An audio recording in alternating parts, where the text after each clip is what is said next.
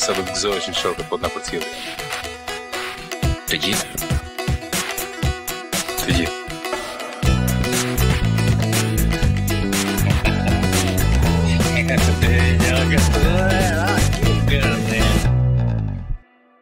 Përshëndetje të gjithëve, mirë se erdhët në Shokët Bojnë Muhabet. Unë jam Ermir Suldashi. Unë jam Nulsaçi. E, sot kemi një mysafire shumë të veçantë, se krejt mysafirët janë të veçantë, po më duket kjo mysafirja është pak më e veçantë se tjerat. Ne dojmë të uh, njofto, t'ju joftojmë ju me Elizabeth Gowing, e cila është gazetare edhe udhëheqëse e The Ideas Partnership këtu në Kosovë. Ajo jeton dhe punon në Kosovë ka disa vite, dhe ndoshta mund të na tregojë pak më shumë për vetveten. Faleminderit. Mm, uh, pra Elizabeth, mirë se erdhe, uh, a mund të na tregojsh se si mbrive të vish për herë të parë në Kosovë, si ndigjove për Kosovën dhe pse vendose të jetojsh dhe punojsh këtu? Uh, për sa si kam ndëgju për Kosovën për herën e parë, ndoshta si uh, shumicën e botës, mm. jo për arsyet e mira, do të thotë gjatë luftës, edhe në atë kohë unë isha në Londër si mësuese në një shkollë fillore, edhe kemi pas refugjatët që kanë ardhur nga Kosova në 1999, edhe janë kosovarët e parë me të cilët jam takuar. Um, në atë kohë burri im, Roberti, ka punu me qeveri për qështjën e Kosovës, edhe mbas disa viteve, faktikisht në 2006, uh, ai ka marrë një thirje nga um, The Foreign Office në Londër, me ofru punë këtu në Kosovë për 6 muj. Pra,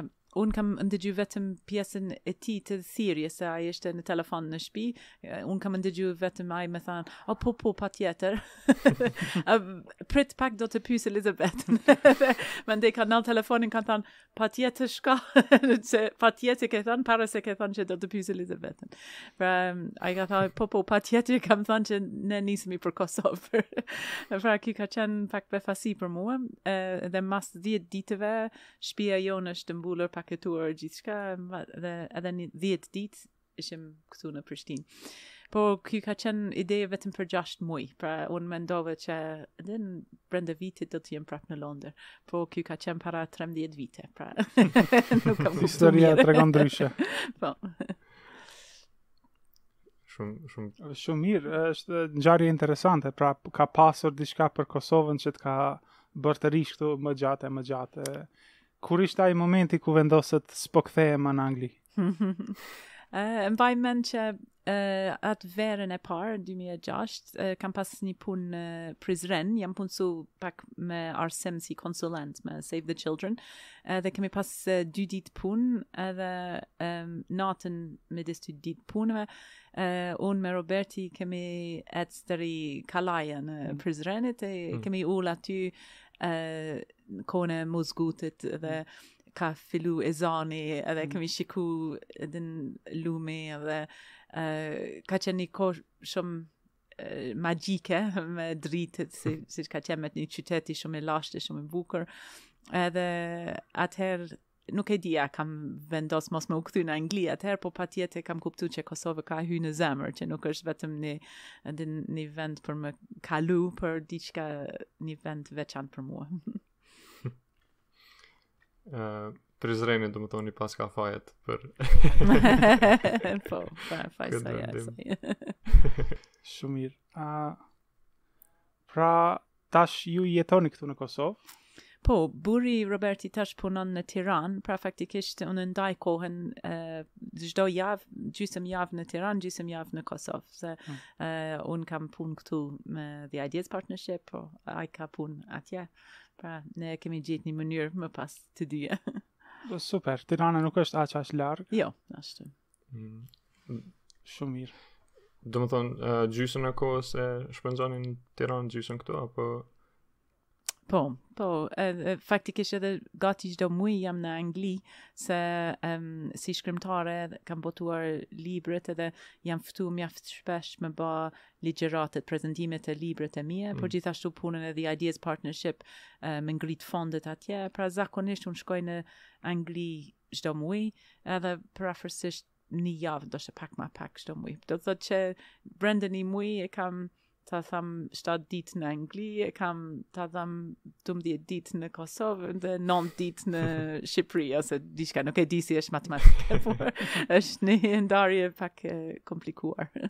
Ok, ok.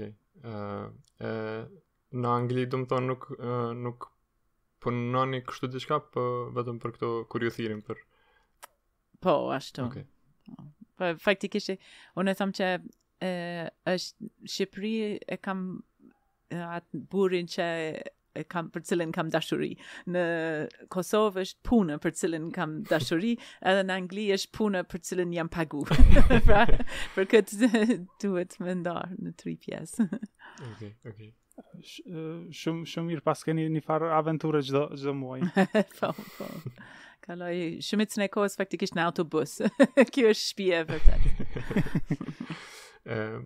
Ju jeni edhe mësuse me profesion, apo, përveç gazetares?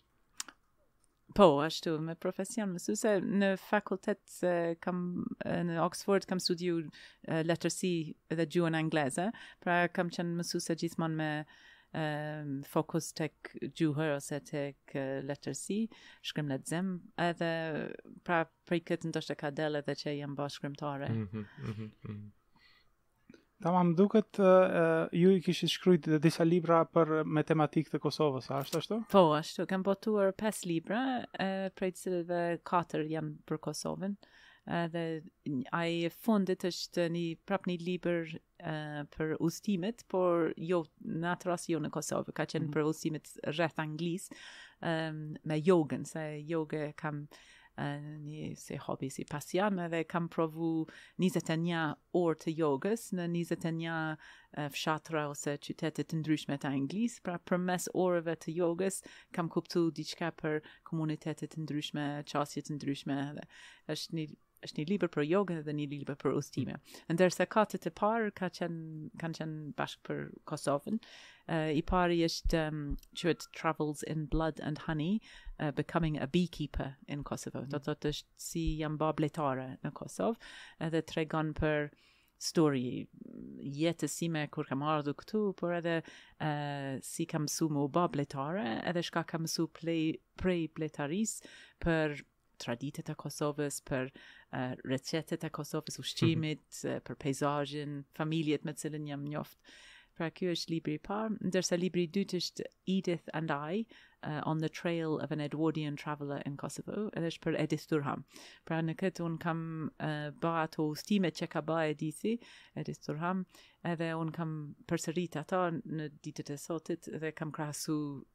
ditarët e letrat e përshkrimet e saj, me shka kam hasun këtu në Kosovë. Dhe libri i tretë është The Rubbish Picker's Wife, an unlikely friendship in Kosovo, edhe ky tregon për një gru Hateme, që është gruja e mbledhësit e mbeturinave nga komuniteti Ashkali në Fushë Kosovë, me cilën jam taku, pra tregon për miqësinë tonë, por edhe për për story për shka kemi bën The Ideas Partnership për si është ë po atë motivim që kemi marrë unë prej Hatemes prej familjes së saj edhe si është fillimi i punës ndërsa libri i fundit është tra, trajton Prizrenin um, është pikërisht filigrani se faktikisht kur Roberti ka punu në Uh, kam thënë që ai punon me qeverinë britanik. Edhe në 2001 Roberti ka ardhur në Prizren për um, dy javë punë edhe në atë kohë nuk kam ditë asgjë për Prizren, vetëm edhe një vend lufte, një vend rrezikshëm, mm. një vend njerëz nuk që nuk kam njoh. E kur është kthy më ka dhënë një qafore filigranit të argjentit prej Prizrenit. Edhe ky ka qenë krejt ndryshe nga shka kam prit prej Kosovës, se të se unë kam, nuk kam prit një vend e bukurisë edhe atë zanat shumë të imta edhe të bukura.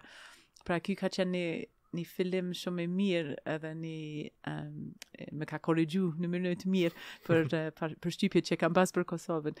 Pra kam shkruajt libër The Silver Thread, A Journey Through Balkan Craftsmanship, që merr atë fije argjentit, atë silver thread, edhe kam fillu me atë qafore, po mandej kam shku në uh, Trepçe, kam shku në minierë, uh, me kuptu si si nxjerret argjenti nga tokën e Kosovës, edhe mandej si punohet uh, prej filigranistëve të Prizrenit, si si mbahet në atë bizhuteri çfarë janë traditet për këtë kam shkuar edhe në Shqipëri kam uh, parë zejtarët e Shqipërisë edhe kolek, kolek, koleksionistët e, e mm. Shqipërisë edhe gjithashtu kam shkuar në Turqi me kuptu si është gjendja e filigranit në Turqi pra përmes atë atë qafore atë vi ard, fije argjentit e kam udhëtu pak nëpër Ballkan a fija e Ballkanit po që E, çka ki msu prej atij udhtimi edhe e,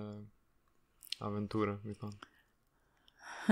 well, shumë, për atë aventurën e, e fundit për argjend, ka qenë disi uh, zhgënjyese se um, jam njoft me ato bukuritë edhe atë sa komplikuar është atë traditë e atë zejtari, por kam kuptu sa është në vdekje. Edhe mm. për këtë ka qenë zhgënjyese, edhe um, bile edhe kur kam qenë në Shqipëri, shumë njerëz më kanë thënë që është një, një zanat që është ende gjallë, por çdo herë që kam shku te një person ose një biznes që thotë që prodhohet ku thotë që prodhohet filigran faktikisht kam kuptu që në të kaluar është prodhuar por jo ende ose mm. është prodhuar por personat kanë ik në Itali ose mm. që mm. që është diçka që është në rënie edhe ndoshta brenda një brez ose ndoshta brenda një ma pak se një brez brenda 10 vite um, Unë po shoh si e mundshme që ka nuk do të kemi njerëz që dinë si me punu që është është shumë gjynah për Kosovën, sidomos sepse kjo është diçka që është për shekuj është diçka e njohur si një zanat kosovar. Mm. se ka qenë edhe në krejt perandori osmane, por kosovarët gjithmonë kanë pas një nam për këtë punë. Pra, uh, jam gëzu që në Prizren tash ka, ka pas disa iniciativa, një më duket prej UNDP-s me ndihmë nga komuna për uh, të rinj me mësu um, me marrë si apprentices ose in, in praktikantët po. tek uh, filigranistët të vjetër. Um, edhe ne si The Ideas Partnership kemi një ndërmarrje sociale që është regjistru bashkë si biznes, biznesi quhet Sapun, është ndërmarrje sociale se ne punësojmë gratë të marginalizuara, qoftë gratë nga fshatrat, qoftë gratë të, nga komunitetet pakicë, edhe një nga, u dy nga produktet që ne bajmë, janë me filigranet. Do të thotë ne blejmë copë filigranet nga Prizreni, një zemër mbushur me filigran të bukura ose një lule, çka të tillë. Mandej gratë i qepin ato copë të vogla në një kartolinë, që mandej mund të dhurohet edhe si kartolinë me një me atë eh, motiv shumë tradicional ah, dhe shumë të bukur, po edhe mund të mandej bëhet si një varëse që mundesh me hek ato lidhjet prej, edhe eh, personi që e merr kartolinën merr edhe si një dhuratë që mund të bëhet si bizhuteri. Pra, në një mënyrë të vogël, ne promo, provojmë të promovojmë këtë, um, këtë zanat, se ia vlen, e meriton. Po, pa, pa dyshim që këto uh, artizanatet e vogla janë n'rënie në fakt në krejt botën për shkak se uh, industrializimi i ka bo këto produktet masive aq të lira sa që kërkush nuk thotë ia vlen të paguhet 400-500 euro për një qafore edhe pse e veçantë mm -hmm. uh, prap se prap uh, kërkesa ka po. rënë komplet për këta edhe njerëzit nuk ia shohin vlerën uh, këtyre punëve arti, se kjo është me vërtetë një uh, aktivitet artistik, pa, jo vetëm diçka që Teknik, e tregon po. statusin tonë. Mm. Po. Edhe në në Turqi e kam vrejë të njëjtën gjë, se unë mendova në Stamboll do të gjej zanat shumë gjallë, se edhe në Stamboll është kryeqyteti i zanatëve për krejt mm. rajonit, mm. por a, edhe atje kur kam shku në në dyqanet me me lyp filigran, çka më kanë ofru në shitje, unë kam pa menjëherë që nuk është ba me dorë, është ba me mashinë, domethënë një stampim të, mm -hmm. të metal, edhe Edhe pse duket bukur, por nëse ti e din procesi si duhet të bëhet filigran, ti mundesh me kuptu menjëherë që kjo nuk është ba. Edhe kur i kam thënë, Pra kjo nuk është punë dore, ata kanë thënë, eh, mirë e ki. në Turqi, në Turqi, në Istanbul, sidomos janë pak uh, triki, se kanë qejf me i mashtru njerëz, oh, punë dore, punë dore, e, po. nuk, nuk, nuk është ashtu, se thjesht, um, koha e profesionistit është shumë e vlefshme dhe të punojë për një objekt individual është shumë vështirë. Mm -hmm. Po, Dhe po, shpresoj që shija e kosovarëve mund të zhvillohet në mënyrë që njerëz më pëlqen që në fakti që në Prishtinë ka rrugë te Grandi, rrugë Garibaldi më duket ka emrin, aty ka Swarovski, Po edhe ka dy filigranistë dhe mhm. e din, Swarovski ka konkurrencë në po, Kosovë. Po, është edhe rruga Agim Ramadani deri te pazari që e ka komplet një linjë të këtyre artarëve, argjendarëve ndryshme. Edhe ka njerëz që ka interesim hala aty, po nuk e di unë se s'është diçka që jam interesu shumë, shoh a ia vlen apo bëjnë diçka të vlefshme. Po në në po më fal. Ë jo, jo, vazhdoni jo, drejt. Vetëm që më duket që shumë në ato dyqanet ku po përmend ti nuk besoj që ka njerëz që punojnë filigran, ata e blejnë, ata e importojnë, kanë uh, punë argjendit ose ari të tjerët, por sa e di unë nuk ka që që punojnë um, filigran atje. Po. Vetëm e shesin. A, familja e Nolit në fakt miret me një kohë të gjatë me kështu pundore edhe mund ndoshta mund të tregojë pak prej përvojës tij personale. Po... A është familje ajo që ka pas në rrugë që ka, që ka pas dyqan atje? A, është te sheshi Nëna Terezë, a, të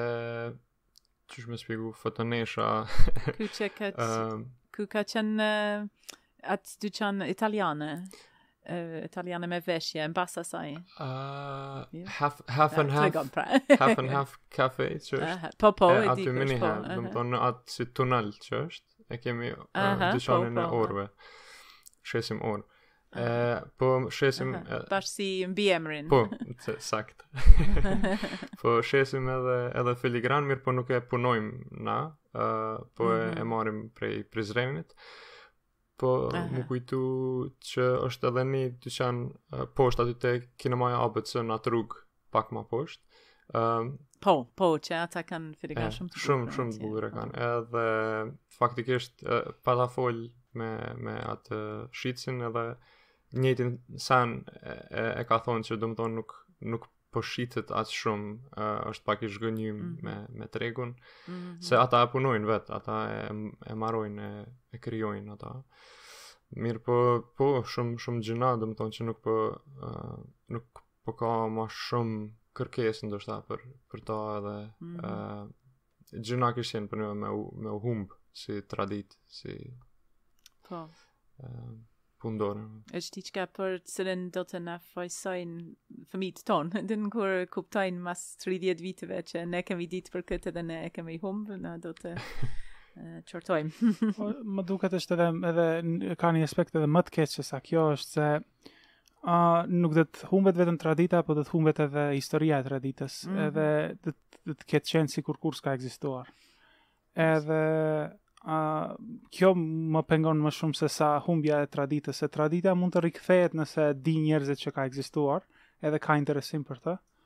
Po, unë mund ta imagjinoj, mund ta imagjinoj mbas 30-40 viteve nuk do të ketë as shenja që ka ekzistuar, mm -hmm. edhe mandej nuk mund t'i rikthehesh asaj në të cilën nuk je e lidhur ë uh, si kulturë. Pra, thotë kjo s'është e imja, nuk më intereson më edhe do zhduket njëherë për gjithmonë.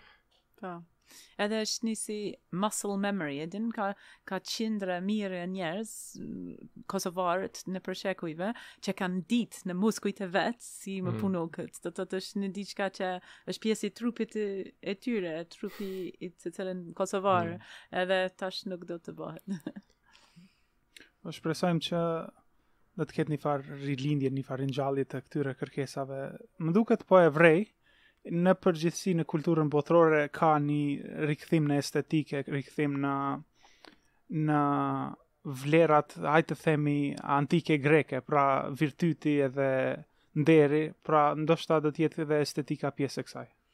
Po, do të isha shumë e kënaqur nëse, nëse vlerat e virtyti nderi i kthehen në botën publike.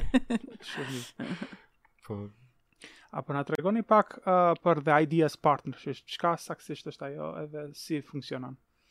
Po, unë kam bashkëthemeluar The Ideas Partnership para 10 viteve, faktikisht tash e kremtojmë përvjetorin e 10, bashkë me burrin edhe me shokun tonë Ardian Arifaj. Dhe në fillim kemi pas ide vetëm me, me pas mundësi me ba ato projekte që kemi në zemër, um, si mësuse kjo nënkupton edhe arsim, po edhe trashëgimi kulturor, por edhe mbrojtjen e ambientit. Um, Pra me këto ide kemi fillu kemi regjistru OJQ, se kemi unë me Roberti kemi ba do projektet në disa vit ma parë, me vullnetarët, me buxhetet shumë të vogla ose pa buxhet hiç, që din vetëm me njerëz kanë dhuru kohën e tyre për me arrit gjërat. Mm. Por kemi kuptu që është mirë me pas një organizatë të regjistruar dhe kështu kemi mundësi të paktën me qenë transparent për, me buxhetet, me apliku për fondet. pra nuk kemi pas një ide e caktuar për me arrit diçka të caktuar. E, dhe rastësisht isha në Fushë Kosovë, në mahallën ku janë ashkalitë në vitin 2010 edhe atëherë jam taku me Hatemen, faktikisht ajo grue The Rubbish Picker's mm -hmm. Wife që kam përmendur, që ka pas nevojë për ndihmë specifik me djalin e saj që është sosur nga një uh, Një tigan me ujë të vluar është derdh në ta edhe ai është sosur në mënyrë shumë të keqe. Mm. Pra kam fillu me ndihmu pak me djalin, me kuptu ma shumë për familjen e Hatemes, për komunitetin e saj, për gjendjen e tyre, edhe kam kuptu nevojë për arsim. Edhe ma shumë se sa datë regjistrimit që ka qenë para 10 viteve, është uh, prej atë moment kur kemi kuptu çfarë sa e madhe është atë nevojë, por edhe çka më ka dëshmu Hatemja edhe fëmijët e saj, është që ka një vullnet nga popullatën, nga ato ashkalitë në atë rast, um, ata kanë qejf për arsim, ata kanë kërku me regjistru fëmijët në shkollë. Deri atëhe unë nuk kam kuptu që kjo është dinamike, unë kam kuptu që nuk janë të interesuar, mm. shumë njerëz më kanë thanë për mentaliteti e tyre, ose për neglizhencën. Stereotipi fatkeqë. Ashtu. edhe kur kam kuptu që ka fëmijët si Gjelanja që ka qenë në atë kohë nëntë vjeçe që ka lyp shkollën edhe shkolla në atë kohë nuk e ka leju me hy në shkollë ka thonë që ka kalu koha për ty ti je tepër e madhe tash s'ka mundësi edhe jam bërë nervoz me këtë edhe kam pas qef me ba diçka për Gjelanën po mandej kam kuptu që nuk është vetëm një Gjelane ka shumë Gjelane të mm. tjere që kanë atë dëshirë për shkollën pra është prej atë moment që ka lind projekte të The Ideas Partnership siç janë tash. Tash jemi në pesë komune, vazhdojmë në Fushë Kosovë, vazhdojmë me arsim, por edhe e bëjmë punë me shëndet, sidomos për shëndetin e të sapolindurve dhe nanët për lindje të shëndetshme. Um, gjithashtu kemi burset për um, njerës që janë të interesuar ose me, me u kthy në klaset e orët e natës për me fitu uh, diplomën e shkollës ose për fakultet, por kemi si um, kusht që çdokush që merr një bursë prej neve, uh, ka obligim për me shpagu në një, me punë vullnetar në komunitetin e tyre çdo javë. Ata mund të vendosin çfarë punë, po patjetër duhen me me ba diçka to pass it on. E kjo është frymë që ne nuk jemi vetëm me ndihmu njerëz që janë me nevojë, por që njerëz me nevojë me ndihmu vetveten, mm. edhe njerëz që janë me nevojë me ndihmu të tjerët që janë me nevojë, me, me fuqizu komuniteti të jetë ma e, ma e aftë për me adresu problemet e, e tyre. Pra ne punojmë edhe në Fushë Kosovë me këtë, po edhe në Janjevë, në Lipjan, uh, ku kemi projekte të ngjashme, kemi parashkollor, kemi aktivitet për fëmijë që janë në shkollë, uh, kurs me nanët. Um, edhe kemi um, ndërmarrje sociale, Sa-Punë që kam përmend që punon me filigran. Uh, mandej kemi edhe në Obiliq, um, edhe në Graçanicë,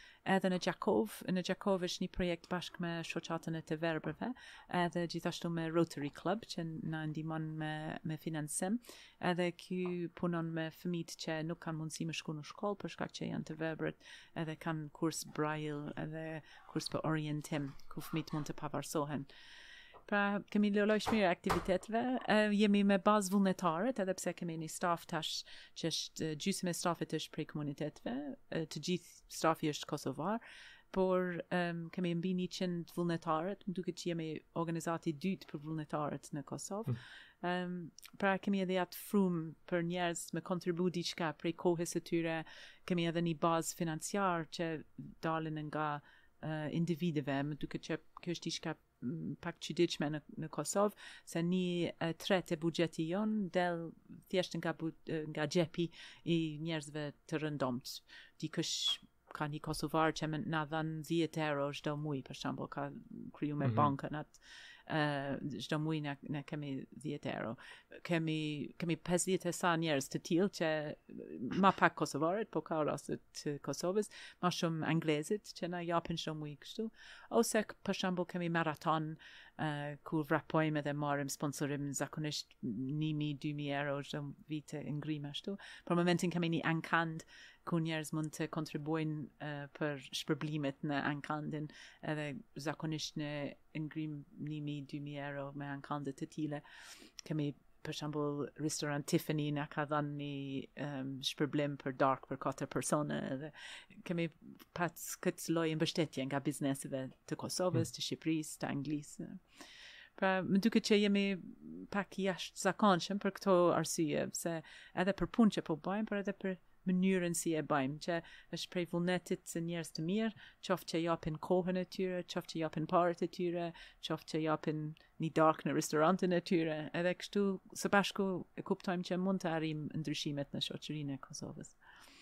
Uh, shumë uh, pëlqej ajo uh, slogani moto me me i thënë, domethënë uh, që me i ndihmu njerëzit uh, me ndihmu vetvetes, mandej uh, Edhe, edhe tjerëve, jo, unë jam tu e harru, cilën... Duhet të jetë një slogan ma të mirë. po, do të thotë, me ndihmu njerëz me nevojë, me ndihmu të tjerët me nevojë. Pra, ato njerëzit me nevojë fuqizohen të bohen uh, ndryshimtarët për të ardhmen e të tjerëve. Edhe, Ky edhe kemi pa që shumë për shembull prej ato që kanë fitu bursët, tash janë asamblistët, janë një është zëvendësministri bile uh, që janë në rol brenda komunitetin e tyre ose jashtë komunitetin e tyre për me me um, çu ndryshimet në në Kosovë. Pra janë bërë liderët e edhe kështu duhet të mm. bëhet që nëse unë ndihem për veten që unë kam pas shumë fat jam lind në një vend me paqe, një vend që është mjaft i pasur me prindët që janë të dashur që prindët që kanë paret për me eduku mirë. Pra unë kam marrë krejt ato privilegjet, pra unë kam një përgjegjësi tash me kalu ato privilegjet, qoftë dashuri, qoftë paret, të tjerëve. Edhe besoj që nëse secili që e ka ato privilegjet, e shpagojnë në njëjtën mënyrë, bota bëhet ma, ma fer edhe ma paqësor, ma të mirë, ma e lumtur për të gjithë. Po, është, mendoj që është më pak për paret edhe më shumë për vullnetin e mirë, se a, e, është e pamundur kur e, e imagjinon me sa pak para mund të arrihet shumë diçka e madhe. Hmm. E, njerëzit e kanë atë barrierë mentale, o, oh, s'kam pare, ose o, oh, do të dëmtohem financiarisht nëse bëj këtë. Por realiteti është që veç me kohë ose veç me vullnet të mirë është e mundshme të bëhet diçka e mahnitshme. Patjetër, patjetër edhe shihet ato ndryshime. Ky është një privilegj që tash kemi qenë 10 vite ose për shembull 8 vite në Fushë Kosovë, edhe unë po shoh sa ato ndryshime të vogla, di një fëmijë që nuk ka qenë në shkollë për shkak që nuk ka pas çantën e shkollës, edhe mësuesja i ka thënë pse pse librat gjytën ti nuk je përgjegjës edhe, edhe fëmija ka lënë shkollën. E dikush ka paguat 10 euro që ka blerë një çantë për shkollë, fëmija është rikthy në shkollë, edhe tash ka sukses si nxënës i mirë.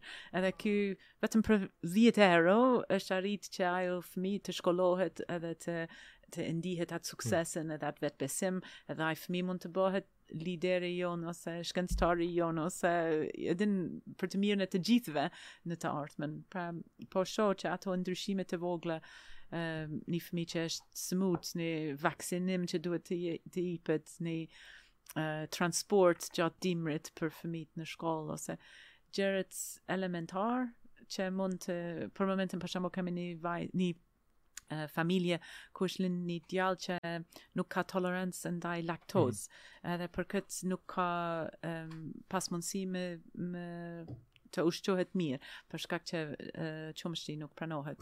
Pra, jemi tu grumbullu paret me blej qumësht pa laktoz, edhe ai djali mandej mund të, mund të jetojë si të, të gjithë fëmijët e mm. tjerë. Pa atë qumësht është diçka elementare, ai do të smuhet edhe nuk do të ketë atë fuqi për, për me u ba shëndetshme në, në jetën e tij. Pra ndonjëherë është vetëm me blej pak qumësht edhe ndryshon krejt një jetë. Është është e mahnitshme sa një send i vogël çfarë efekti të madh mund të ketë.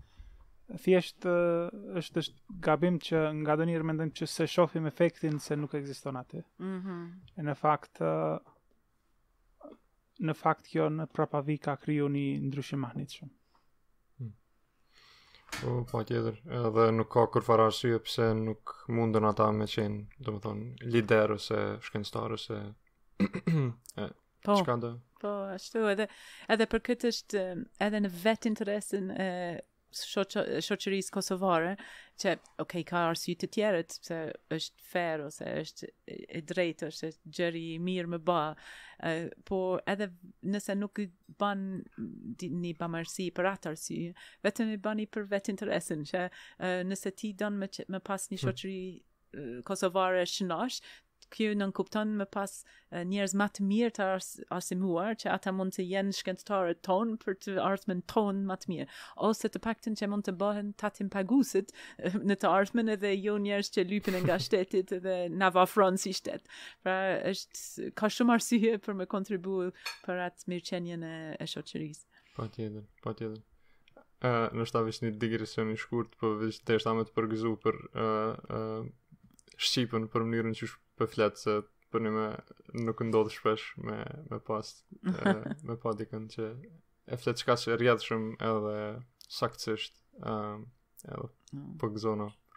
O, faleminderit, por e baj gabime, e di kur, kur e dëgjoj këtë emision ma vonë, do të identifikoj të gjithë gabime që kam bërë, pra ende ka hapsirë për përmirësim.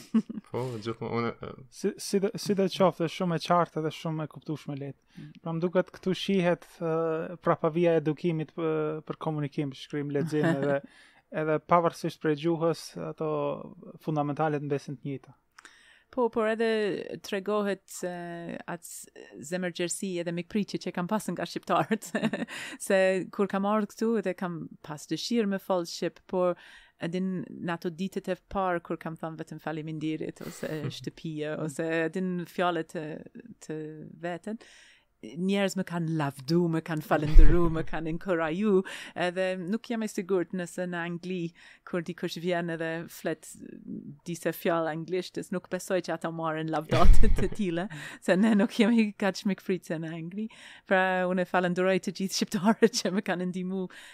Edhe në ato ditët e parë, por edhe edhe në vazhdim kam një kolege Dodona që është koordinatorja e projektit ton për sapun për këtë ndërmarrje sociale, edhe unë i kam lyp me më korrigju se shqipja jem ka ardhë në nivel ku njerëz kuptojnë çka kam qef me than edhe nuk më tregojnë që kam, ku kam gabu pra unë përsëris ato gabime edhe vetëm para 10 ditëve më, e kam lyp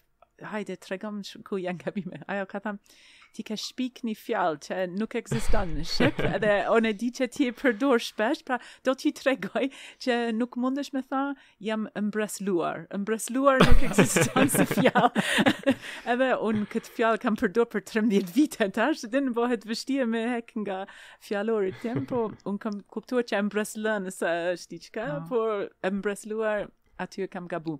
Pra jam falënderuese e Dodonës dhe të gjithëve që më korrigjojnë. po, s'di a ka mënyrë me thonë që ajo uh, më ka lon mbresa, mirëpo. Mm. Po, ajo më ka thënë që kështu, ose, ose impresionuar njerëz thanë, po më duket kjo është huazim nga mm. anglisht, nuk është tamam fjalë shqip impresionuar. Nuk është, edhe ka plot njerëz që ankohen, edhe apo është është diçka e pashmangshme se po e vrej edhe në shoqërinë time, edhe në rrethin tim, sidomos kam pak rrethin më të edukuar se sa popullata e gjerë kosovare është se a, kanë filluar 20% anglisht folin. Mm -hmm. Edhe në disa raste edhe fillojnë anglisht të folin midis vetes, se, se nuk e di çka është problemi, a janë mësuar prej internetit a prej kompjuterit më shumë të folin anglisht. a sa është efekti i kulturës anglofolse në kulturën tonë, ose thjesht ka ndonjë mangësi në gjuhën shqipe që disa fjalë të caktuara mungojnë dhe e bëjnë vështirë të komunikohet një një ide e caktuar. Por sipas meje si një dashamirëse e gjuhës, çfarë do gjuhë, um, unë mendoj që nuk është keq kur e ka huazimet. Um,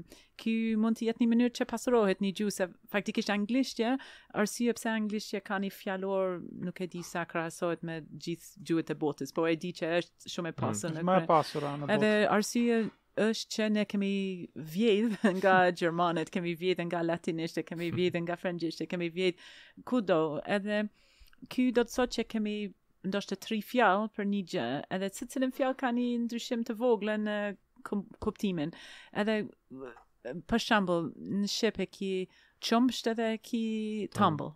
Edhe mm. kur thot tambël ka një domethënie për mua që është më shumë um, diçka shumë rahat dhe shumë ndoshta diçka që ke hangër në fëmijëri ose po, po, po. edhe kjo është ndryshe nga qumësht. Edhe ti mundesh me zgjedh sipas kontekstit, a të flasin për qumësht apo për tambël. Dhe kjo më duket është pasuria e gjuhës. Um,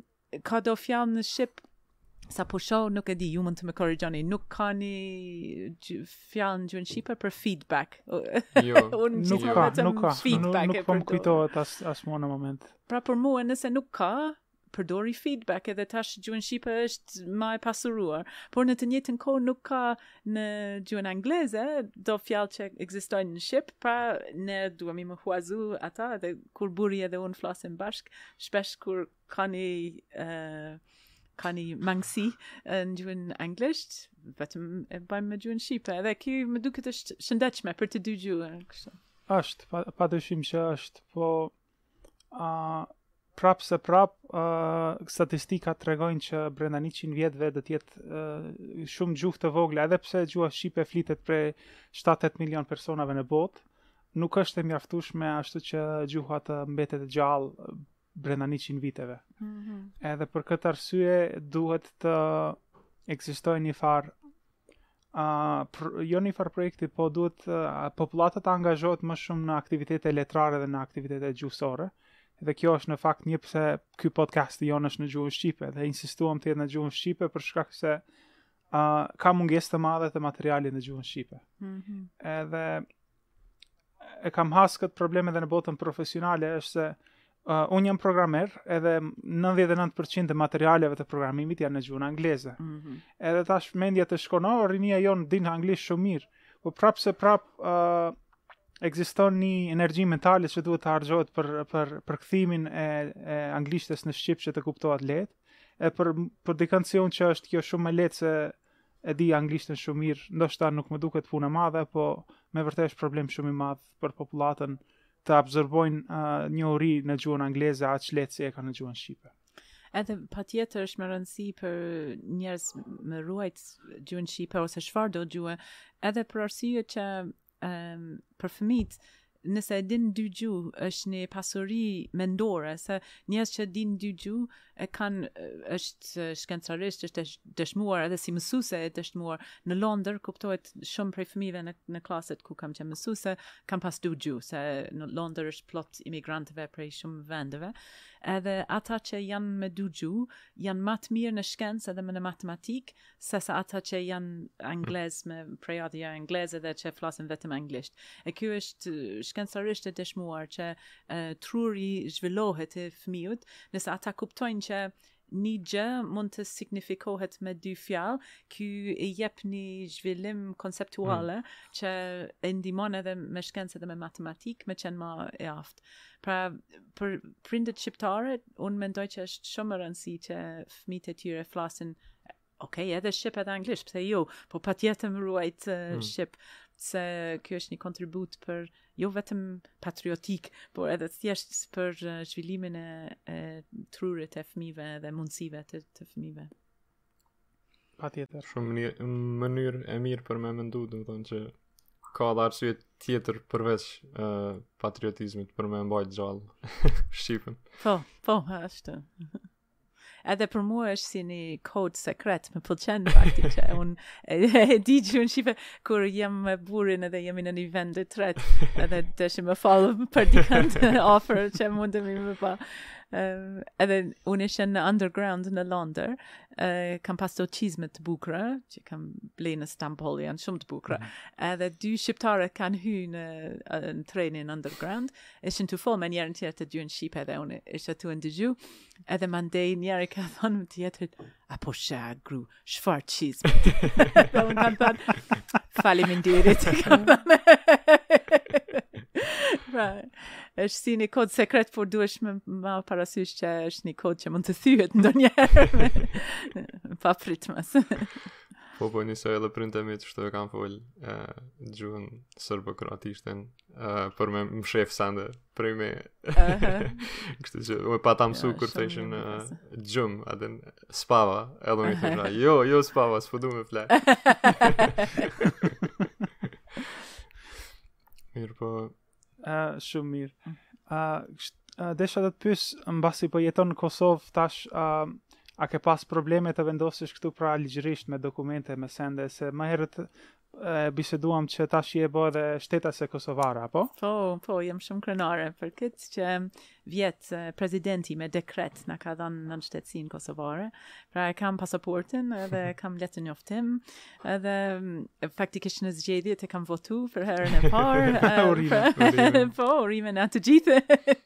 pra, jo, ka qenë diçka që më ka kriju atë ndjenje që jam në, në shtëpi tamam këtu, uh, por edhe jam interesuar, kam hulumtu pak online për pasaportën kosovare, sidomos tash që Anglia po iket nga mm. uh, bashkimit evropian, që më dhimbet shumë, uh, të paktën Kosova është tu lëviz në drejtimin e duhur drejt Evropës, ndërsa vendlindja ime po lëvizet jashtë Evropës.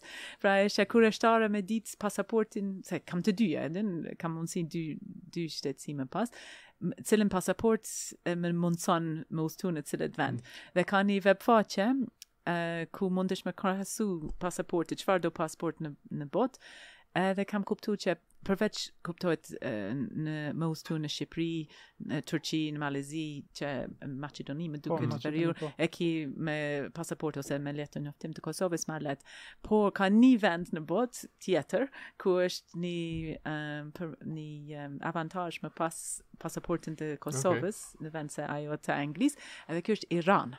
Hmm. Pra me udhëtu në Iran me pasaportë të Kosovës është ma lehtë sesa me udhëtu atje me pasaportë të Anglisë. Pra e kam në plan, ndoshta jo në 2020, por në 2021, me udhëtu në Iran me pasaportin kosovare dhe me shkrujt për përvojën e din travels with my Kosovan passport.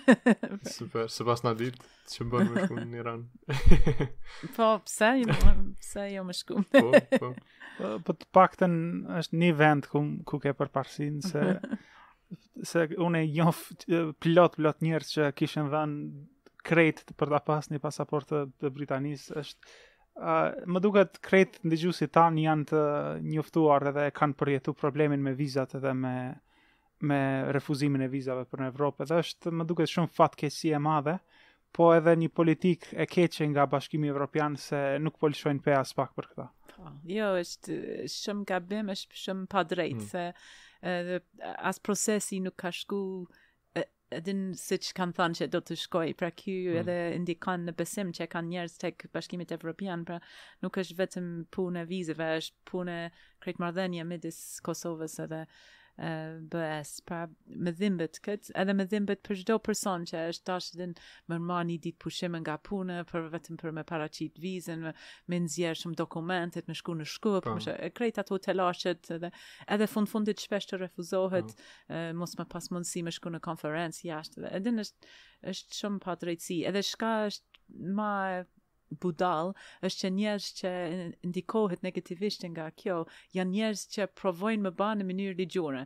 Por ata që bëjnë jashtëligjore, ata thjesht shkojnë Maxhari me, me autobus nëpër malet edhe ky nuk ndikon faktikisht në emigrimin ilegal nga Kosova, vetëm ndikon te frustrimet e njerëzve që kanë dasht me qenë me, me ba si duhet. Hmm. Edhe ky për këtë më duket politikë shumë uh, budall. Më vjen shumë keq. Po, qashtu është se veç po shtyjnë procesin pa ndonjë arsye të mirë, uh, të drejtë dhe faktikisht jemi i vetmi shtet në Evropë që nuk kemi uh, lëvizje të lirë edhe është mm. përnime një, një diskriminim tepër i kesh edhe shumë haptas që po e bojnë. Po, faktikisht Kosova po dënohet për problemet me migrim që kanë shumë vendet e Evropës me migrantet që janë nga bot, vendet krejt tjerë të botës. Po. Pra, por në ato shtetë, tu përfshi edhe Britania e Madhe, ka atë ngritje i um, ndjenje negative ndaj imigrantëve, ato nacionalizmi mm. edhe um, ky ndikon që njerëz, uh, qeverit nuk kanë qejf për me hapë dyert uh, let askujt që është e huaj. Edhe, edhe kjo është gabim tjetër se ta zamë uh, shembull i Anglisë që ne kemi nevojë për të huaj, mm. ne kemi nevojë për atë energji, ato aftësi, atë fuqi punëtore um, në sistem transportit, në sistem shëndetësor, ne jemi të mvarur prej të huajve që vinë, uh, disa prej tyre vinë vetëm për me fitu paret për një kohë të shkurt edhe kthehen, disa vinë edhe ndoshta si unë në Kosovë edhe vinë për një kohë të shkurt, mandej qëndrojnë ma mm. ma shumë, por se secili na pasuron si shtet. Edhe ne si shtet jemi jemi ba unë un, gjatë um, hulumtimit që kam ba për librin për Edith Durham, kam uh, gjetë informat për restorant shqiptar i parë në Koso në Londër. Edhe para 120 vite, do të thotë në fillim bash në fillim të shekullit 20, Uh, një uh, shqiptar me emrin Antonio Preqe ka hap një restorant në Londër, një restorant shqiptar. Edhe faktikisht në fund ka hap tri restorante. Edhe kjo është Angli në kohën e gati kohën e Dickensit, edhe në kohën viktoriane, është një kohë kur nuk mundesh me paramendu për një shqiptar në mes të Londrës, kur, por më pëlqen shumë ideja që ata njerëz që në kohën e Isa Boletinit, për shembull që kur ka ardh Isa Boletini në Londër me u taku me Edward Grey, ndoshta ai ka pas mundësi me dal në një restorant shqiptar për me hangër. Fli. nuk nuk jam e sigurt që ai ka hangër ashtu, por ka pas atë mundësi. Imagjinata të çon atje. Po. po. Do të thotë që ky ky migrimi prej prej Kosovës prej shqiptarëve nuk është diçka e re, edhe as prej vendeve të tjera të botës. Ëm është ba pak në trend tash për njerëz me ba testin e ADN-së, mm -hmm. edhe me kuptu nga ku në botë mm -hmm. dalin gjenet e tyre. Edhe të gjithë e kuptojmë që kemi pak nga Afrika, pak mm. nga Rusia, pak nga Danimarka, pak... Përveç meje. Edhe unë e bëra këtë testin, Apo? E thashë, a do dalë ndoshta pak Arab, ndoshta pak Turk, uh -huh. po doli 99% Ballkanas. Apo? E ta është Ballkanas, po po janë aq të përzier, që nuk munden të ndahen njëri prej tjetrit. Uh -huh. Pra, nuk i dihet, ndoshta e kam prejardhjen prej, s'e di unë uh, prej, prej tregimeve që m'i tregon babi, është se stërgjyshi im uh, ka ardhur prej jugut të Shqipërisë në Strugë në Maqedoni mm -hmm. për të përhapur fenë Bektashi.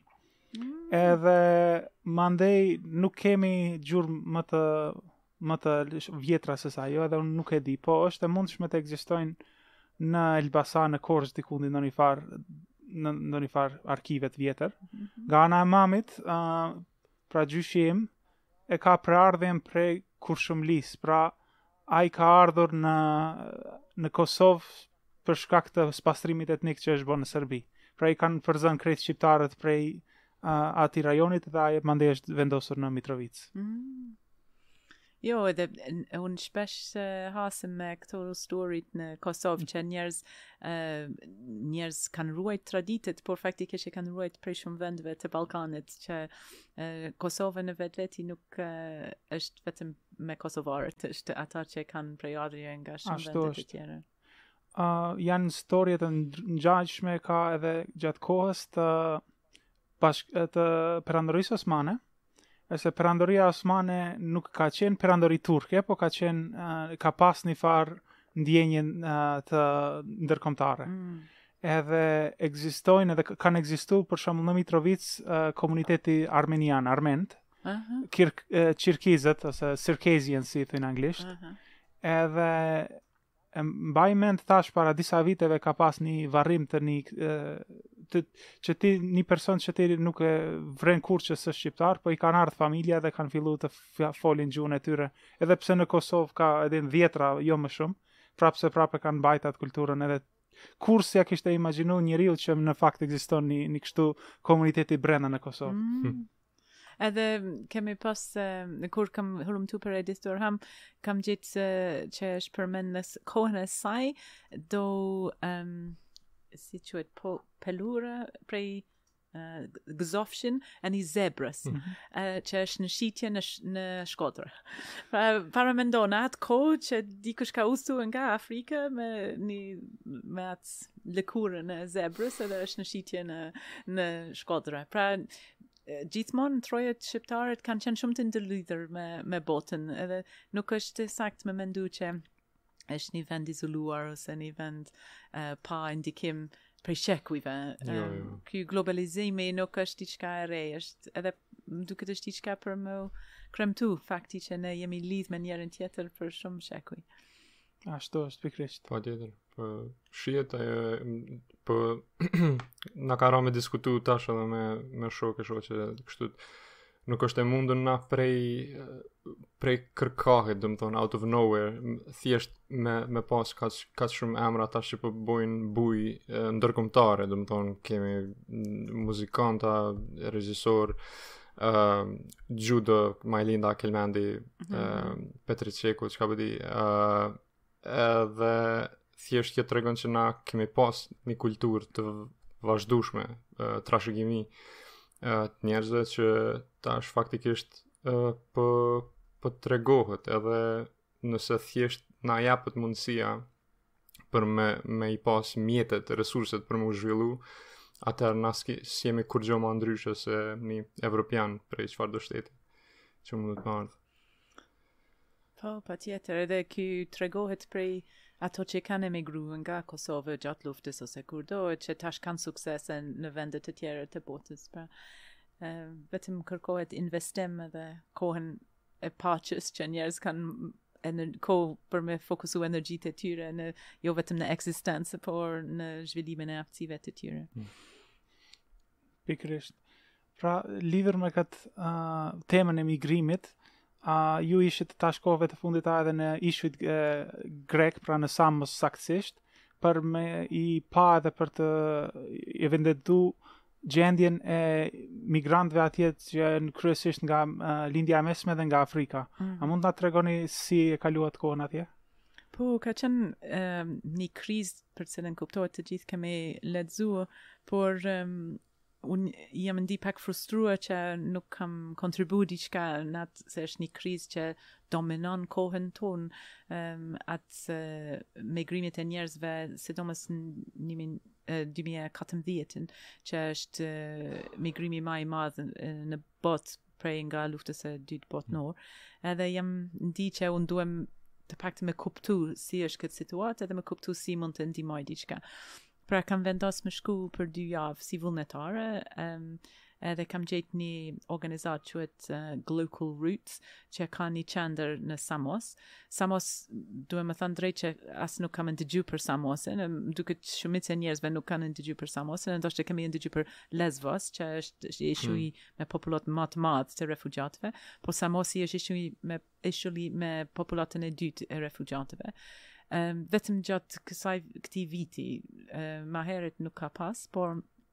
Tash ka një kamp që është ndërtu atje për uh, 650 refugjat uh, me kontenjer, me ato containers, e din për njerëz me jetu brenda, mirëpo tash ka 6.000 që kanë ardhë.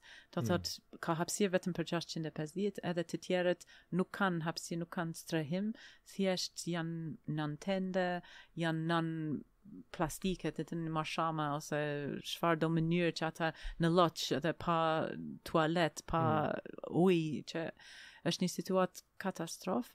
Um, shumë prej tyre janë gratë, shumicë janë burrët, më duket është 40% janë burrët, mandej 30% janë gratë edhe 20 se si bëhet numri, e, janë fëmijt. Po, ideja që është të popularizuar të paktën në Angli është që kjo është punë e burrëve, djemt që ikin vetëm si emigrantë ekonomikë edhe që po është shumë e kundërt e çka kam has atje që këtu janë familje të mm. tëra që kanë ardhur um, edhe që shumë prej tyre kanë qenë në Turqi për një kohë, por tash që ambienti në, në Turqi bëhet më armiqësor për emigrantët, mm. për refugjatët, uh, shumë prej tyre kanë vendos me ardhë me ato anijet, inflatables. Gomone, po. Gomone, po, gomone. Um, t'i t'i kthen uh, t'i kthen imazhet e viteve të 90-ta pikërisht në Kosovë dhe në Shqipëri se i ke shumë njerëz që munden ta ndigjojnë këtë emision i kanë ato imazhe pikërisht se i kanë përjetu në kampe në rajon ose edhe në në detin Adriatik duke mm. shku prej Shqipërisë në Itali në vitet 97-98. Po, edhe me siguri se unë nuk mund të imagjinoj si është, po siç ke thënë me siguri shumë prej dëgjuesve kanë përjetu.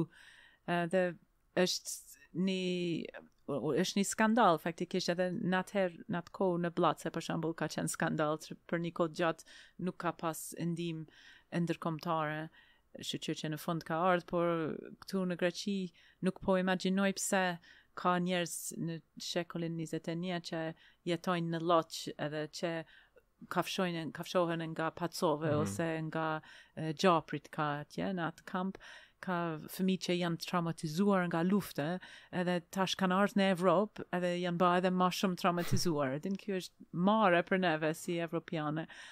Edhe sa kam kuptu qeveria greke, ka harxhu vetëm një çerek e buxhetit që ka marrë nga, qeveri, nga e, bashkimi mm. evropian, do thot një pjesë e madhë nuk ende nuk e ka harxhuar, pra nuk ka një arsyetim ekonomike pse ato njerëz nuk kanë strehim të paktën.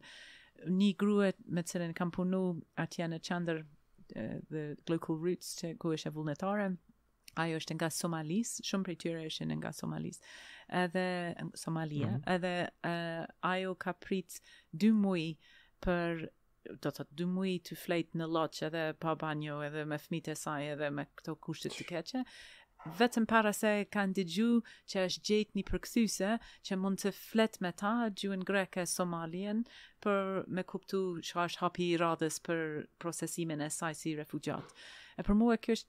krejt e papranushme, edhe kjo është një, një kërkesë që është krejtësisht e parashikushme, që vijnë njerëz nga Somalia, do të thotë që është krejt e pa e parashikushme mm -hmm. që ka nevojë për përkthyesit, ka refugjatët nga Somalia që mund të bëhen përkthyes, ka një buxhet nga BE që mund të mm. paguajnë për atë punë, pra pse ka një gru me fmijt e saj që rrin në baltë për kaq shumë, vetëm me prit për intervistën, kjo është vetëm fillimi, intervista, por të paktën me pas një person që është identifikuar për atë proces. Pra sa kam kuptu, e din ka shumë arsyet, nuk ka shumë arsyet ekonomike, por ka vetëm burokraci, ose mm. një mungesë e vullnetit për me mm. prit mirë, edhe kjo është Ky më nervozon, e din që me pas një luftë, ndoshta nuk mundemi me ndiku menjëherë në Siri me, me parandalu bombardimi aty, po mundemi me ndërhy menjëherë që kur vjen një grue nga Siri, që ajo është prit mirë dhe fmijt e saj mund të flenë mm. rahat. Dhe... përndryshe është skandal. Duket që edhe me qëllim ndoshta e bojnë uh, me, me qenë është, me qenë kushtet e vështira që njerëzit mandej mos me u ndi rahat edhe mos me jap sinjal tjerve që hajdeni se është okej, okay, domethënë, mm -hmm. me mhm. ardh në Evropë. Po ia bojnë kushtet sa më të vështira që ata disa e, e kom pa nja dy dokumentar të këtij uh, kinezit Ai Weiwei uh, uh, në të cilën i ka shku i ka dokumentu, ka jetu me ta aty edhe po. thjesht i trajtojnë në mënyrë jo njerëzore edhe janë kushtet të tmerrshme. E, e disa prej tyne vendosin me, me u kthy në Siri, domethënë kthehen në luftë, ma mirë se me ndejt në... Uh -huh, ma mirë se sa Evropë. Po, në ato, në ato kushte, po ajo faktikisht s'është Evropa, ajo është si një, si një jungle. Jungle e izolume e cila s'ka të bëjë me Evropën reale. Mm -hmm. Edhe kjo është marre për, për neve që jemi prej Evropës. Po... Por të paktën me, me unë kam msu shumë prej situatën edhe prej lexime që kam ba para se kam shku, por edhe prej leximit edhe prej përvojës që kam pas vetëm dy javë, nuk është një përvojë shumë gjatë, por por un kam kuptu që një nga nevojat është me përhap storyn e tyre edhe me tregu botën uh, që kjo ekziston edhe un tash jam anëtar në një grup në Facebook quhet um, Aegean Boat Report edhe çdo ditë thjesht ata publikojnë në Facebook uh, numrat sipas Coast Guard, sipas shërbimit mm -hmm. detare, sa njerëz janë pranuar në Samosin, në Lesvosin uh, gjatë mhm. natës. Mm -hmm. Edhe do ta çdo mëngjes çohem edhe lexoj edhe 31 person kanë ardhur, edhe 120 person kanë ardhur, sot 84 person. Mm -hmm, edhe, mm -hmm. edhe ky e bën reale me kuptu që kjo është diçka që vetëm vazhdon. Mm -hmm. Edhe pse në gazetat tona, në mediet tona, nuk nuk mm. tregohet se ne nuk dimë për kët. Pra është me rëndësi hapi i parë është vetëm për njerëz me ditë që ky ekziston. Po. Mandej mundemi me ba shtypje presion tek qeveritë për këta se për me trajtu si duhet. Mm.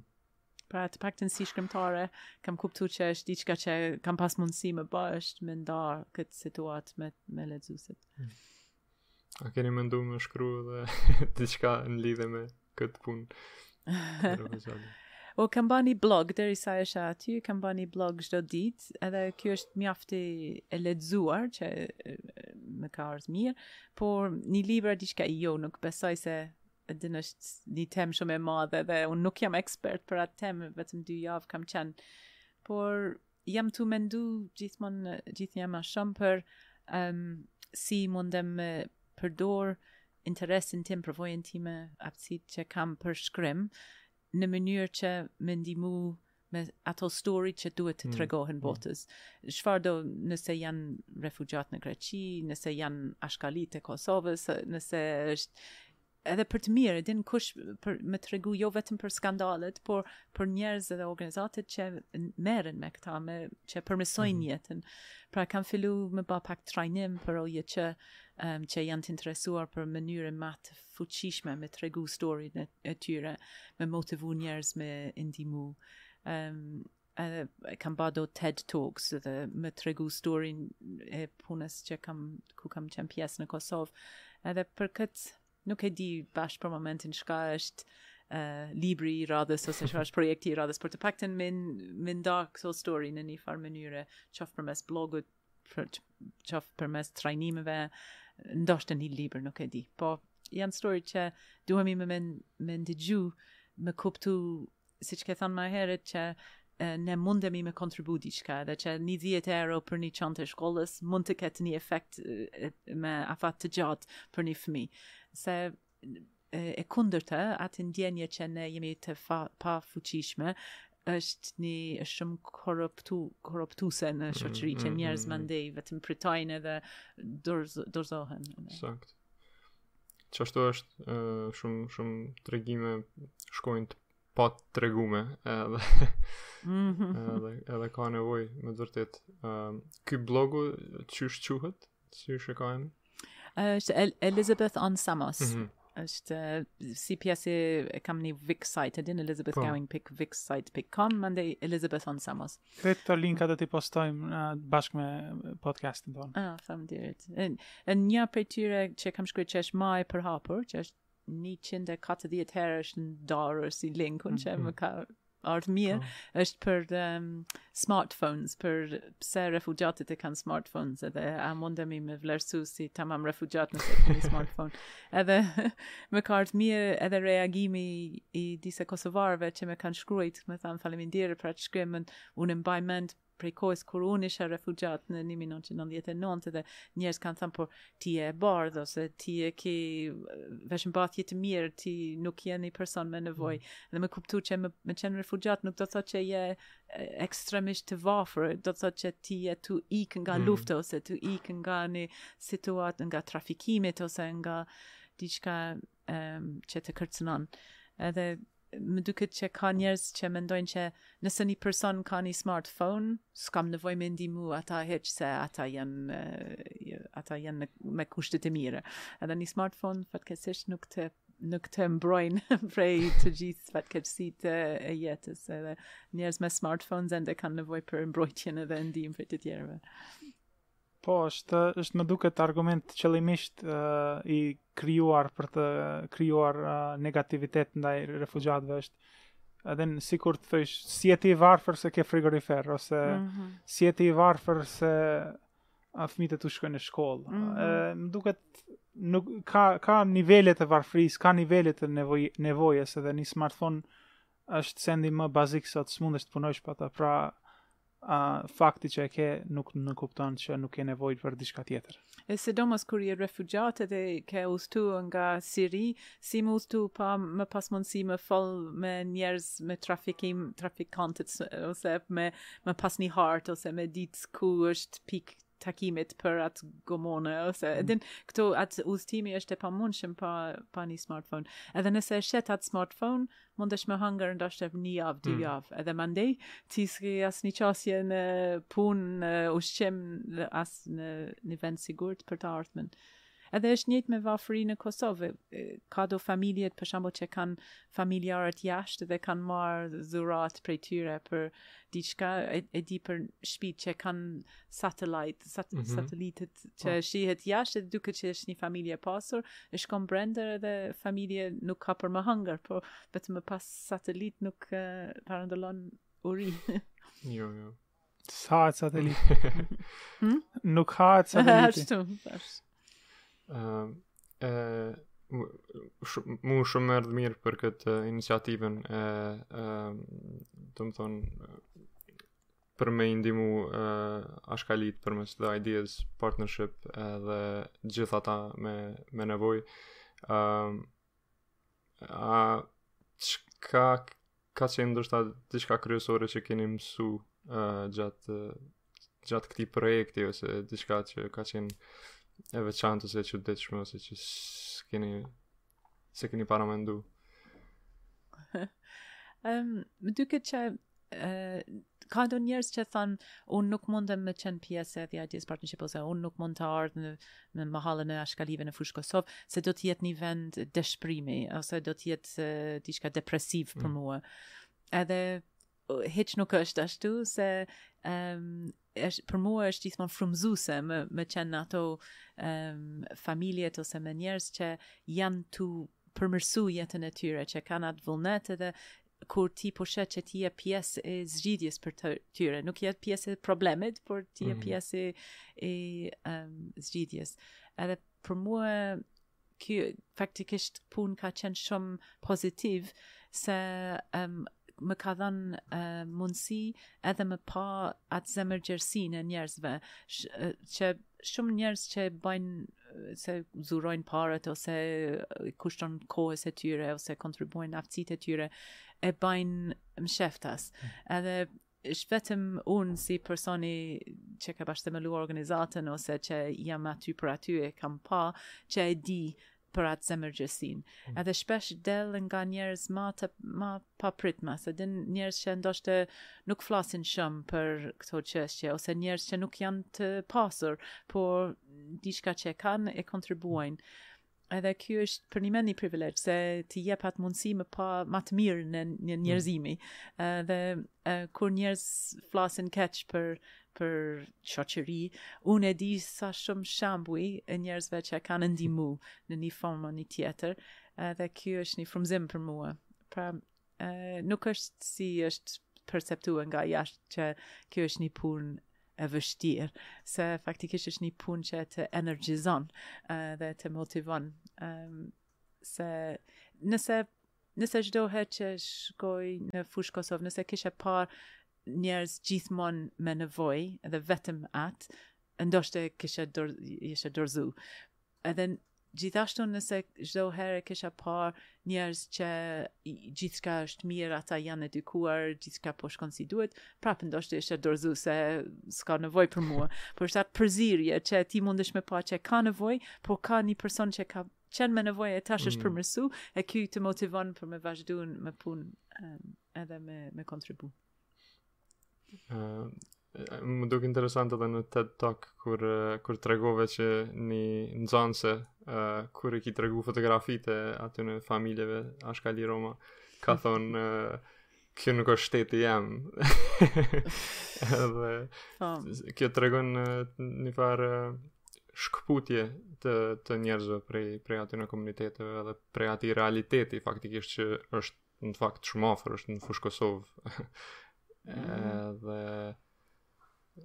në një farë mënyre e kom vrejt edhe që në Prishtinë sidomos uh, shoqnia uh, shoqnia jonë domethonë që, që e ndajmë ndoshta me Ermirin jetojnë, po edhe në përgjithësi jetojnë në një lloj fluske në një bubble të, të mm -hmm. e cila a din veç pak me dalë pi Prishtinës ndryshon gjithçka është një realitet krejtsisht tjetër.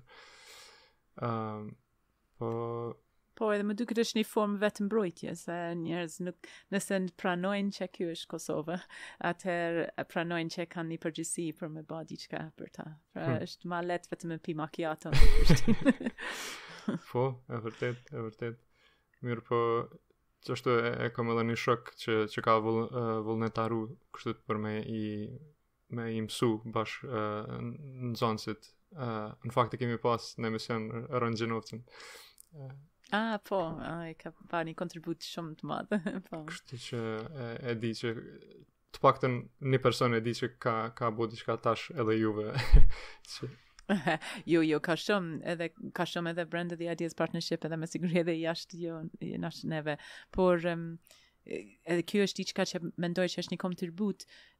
që kemi ba është kemi ofru një mundësi për njerëz që janë dashamirës me kontribu atë kohën e tyre në edhe me kuptu ma mirë për vetin si është situata. Mm. Edhe çdo herë që unë udhtoj në kombin tonë bashkë me do nxanëse të shkollës së mesme ose një studente nga fakulteti që ka vendos një të shtunën me jep me dhanë dy orë kohë e mm. saj vetëm me kontribu me mësu gjuhën angleze fëmijëve të ashkali, unë ndihem shumë mirë për Kosovën, se e di që me këto lidhjet është kështu që ndërtohet një, një shtet për të gjithë. Kuptohet për ato fëmijë që mësojnë, por edhe për ajo vajzë hmm. që e, ka atë për, përvojë tash edhe krijon shoqëri edhe lidhjet me një komunitet tjetër. Pra kjo është e shëndetshme për na të po, gjithë. Po, patjetër, patjetër.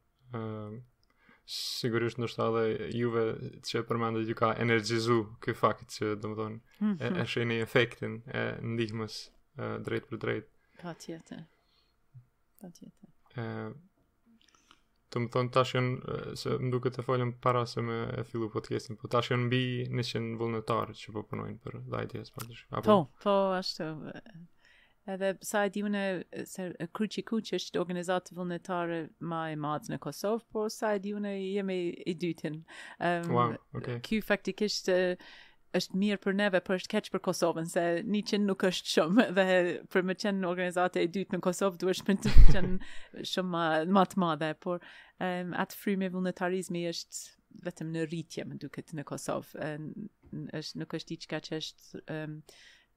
prej viteve 90 kur është je, kur ka qenë jetik për uh, shoqëria shqiptare këtu uh, ka pas një rënie uh, mas luftës uh, por tash po shoh që ka uh, rini që janë të interesuar për këtë edhe po që po kuptojnë që kjo është i vetmi mënyrë edhe për shoqëri por edhe për vetveten edhe me uh, me marr përvoje të reje, shoqëri të reje, um, një CV të pasuruar, po. edhe kështu është, është, është një efekt dyanshme, një të mirë dyanshme.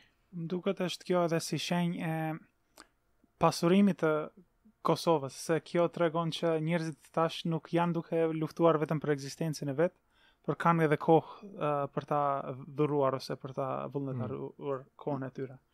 Pra, në çdo mënyrë që e sheh, kjo është shenjë pozitive. Shumë pozitiv, po edhe jam shumë falenderuse për të gjithë ata si Roni, por si ato vullnetarët të tjerë që kanë dhanë atë kontribut. Edhe që kanë qenë pionierët ose që kanë qenë të parët se shpesh ato që vijnë nga um, shkollat e mesme unë e pyes pse ke ardh pse ke si ke ndëgju për neve Oh, përmes shoqes sime. Edhe ajo shoqe do të thotë ka qenë ambasadori mm. për për The Ideas Partnership por edhe për këtë vullnetarizmi. Pra secilin që e ban këtë punë, bëhet shembull për i personi i radhës. Secilin që e ban një podcast për këtë punë, bëhet ambasadori për të tjerët. Pra faleminderit të gjithëve. Faleminderit edhe ty shumë. Ha, të falenderojmë shumë për për kohën tënde Elizabeth, se ka qenë me vërtet knaqsi e madhe kjo biseda jonë. A, a kishe pas qejf na trego çka janë planet e tua të, për ardhmërinë?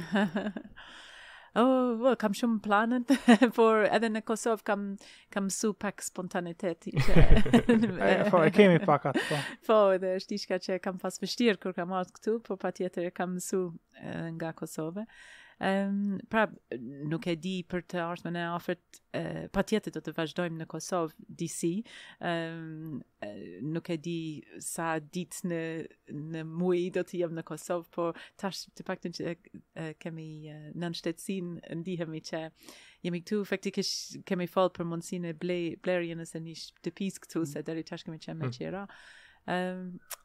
Edhe kam do libra që um, jam duke shkruajtur bashkë me Robertin, bashkë me burrin, një libër për gratë frymëzuese të Ballkanit prej shekullit uh, 20-it. Uh, pra kemi një uh, jam tu hulumtu për uh, një gru prej secilit shtet të Ballkanit. Pra kjo do të jetë libri i radhës. Shpresojmë që do të botohet për uh, ditën e gruas uh, 8 marsi mm -hmm. 2020.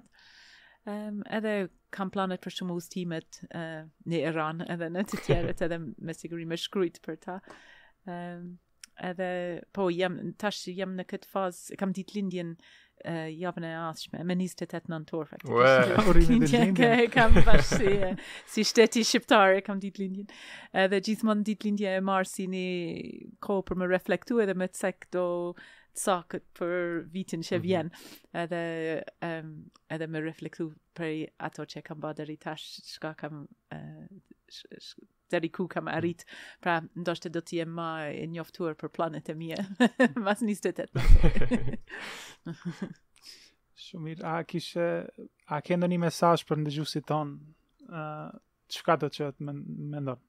jo, vetëm një falenderim për, për mm. juve, për të gjithë që na kanë ofru këtë mikpritje edhe në studio, por edhe në Kosovë, ma gjersisht, edhe për atë frymë e, bashkëpunimit edhe e, sa e hapur është Kosova për, për të huaj, por edhe për ide të huaja, edhe për ide të reja, edhe kjo më duket është diçka um, që e dallon Kosovën nga shumë shtete të reja, që Kosova ka një mundësi me kap frymë të mira dhe të reja, dhe shpresoj që kjo do të vazhdojë, se vetëm me këtë do të ndërtohet Kosova që na duhet. Faleminderit shumë. Faleminderit, edhe një herë. Faleminderit, Dhe shpresojmë që i, me ju pas në studio prapë, dikur në